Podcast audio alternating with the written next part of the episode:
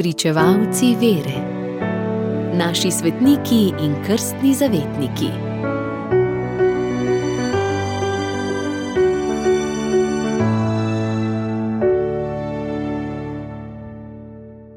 Šestega avgusta se spominjamo Jezusove spremenitve na gori. Vsi trije sinoptiki, evangelist Matej, Marko in Luka, poročajo o Jezusovi spremenitvi na gori. Zapisali so, da je božji učitelj trem izbranim učencem, Petru, Jakobu in Janezu, pokazal svoje božje veličastvo. Cerkveni očetje razlagajo, da je to storil zato, da bi tiste, ki so hodili z njim, pripravil na dogodke ob svojem trpljenju in smrti, ki so vzbujali vtis, da je bilo vse njegovo dotedanje delo velika polomija. Dejansko pa se je natančno uresničevalo vse, kar je bilo o njem napovedano po prerokih. Jezusove spremenitve na gori se je crkva spominjala s posebnim praznikom že iz prvih časov na vzhodu, kjer bi to praznovanje mogli primerjati z našim praznikom Kristusa kralja, na zahodu pa od 11. stoletja dalje. Za vso katoliško crkvo je praznik uvedel papežka list 3. leta 1457 v hvaležen spomin na zmago krščanske vojske nad Turki pri Beogradu pod vodstvom redovnika svetega Janeza Kapistrana na ta dan leto poprej. Turki so bili tedaj strah in trepet Evrope, zato so veliko zmago tako slavili.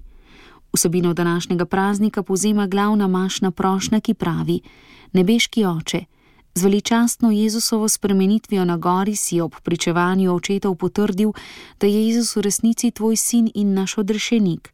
Na njem si pokazal poveličanje, ki čaka nas, tvoje posinovljene otroke pomagaj nam, da bomo vedno poslušali tvojega sina in tako postali sodediči njegove slave pri tebi. Po starem krščanskem izročilu se je to, česar se z današnjim praznikom spominjamo, dogajalo na gori Tabor, ki stoji osamljena na galilejski ravnini in se dviga 588 metrov visoko. Gora Tabor je bila znana že v zgodovini izvoljenega ljudstva stare zaveze. Na pobočju te gore je izraelski vojskovodja Barak okoli leta 1125 pred Kristusom po nasvetu sodnice in prerokinje Debore premagal Kanance. Preroku Jeremiju se je gora tabor zdela tako imenitna, da jo je opeval kot podobo božjega veličastva. Zapisal je namreč: Jahve bo prišel podoben taboru med gorami. Izraelski kralji, ki so se izneverili Sinajski zavezi, so na vrhu tabora postavili malikovalsko svetišče in zaradi tega jih prerok ozej ostro graja.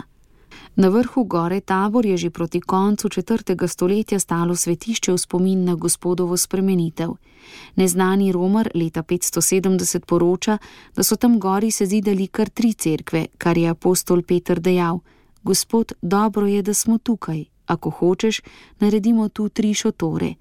Na začetku 13. stoletja je dal turški sultan Malik crkv in samostan na taboru porušiti ter na ruševinah zgraditi močne utrdbe, ki so stale le malo časa. Tudi kapelico, ki so jo Turki kristjanom pustili postaviti, so kmalo podrli. Gora tabor je bila skoraj štiri stoletja zapuščena. Od 17. stoletja dalje so frančiškani iz Nazareta prihajali sem gor, da bi na ruševinah nekdanje cerkve maševali za romarje. Sedanjo baziliko, zgrajeno v sirsko-romanskem slogu, je zasnoval italijanski arhitekt Brluci.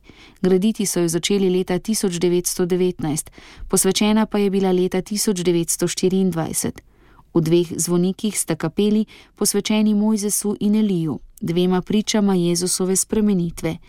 V spodnjem delu cerkve so predstavljene štiri Kristusove spremenitve: rojstvo, Euharistija, smrt, ustajenje. Radio Ognišče, vaš duhovni sopotnik.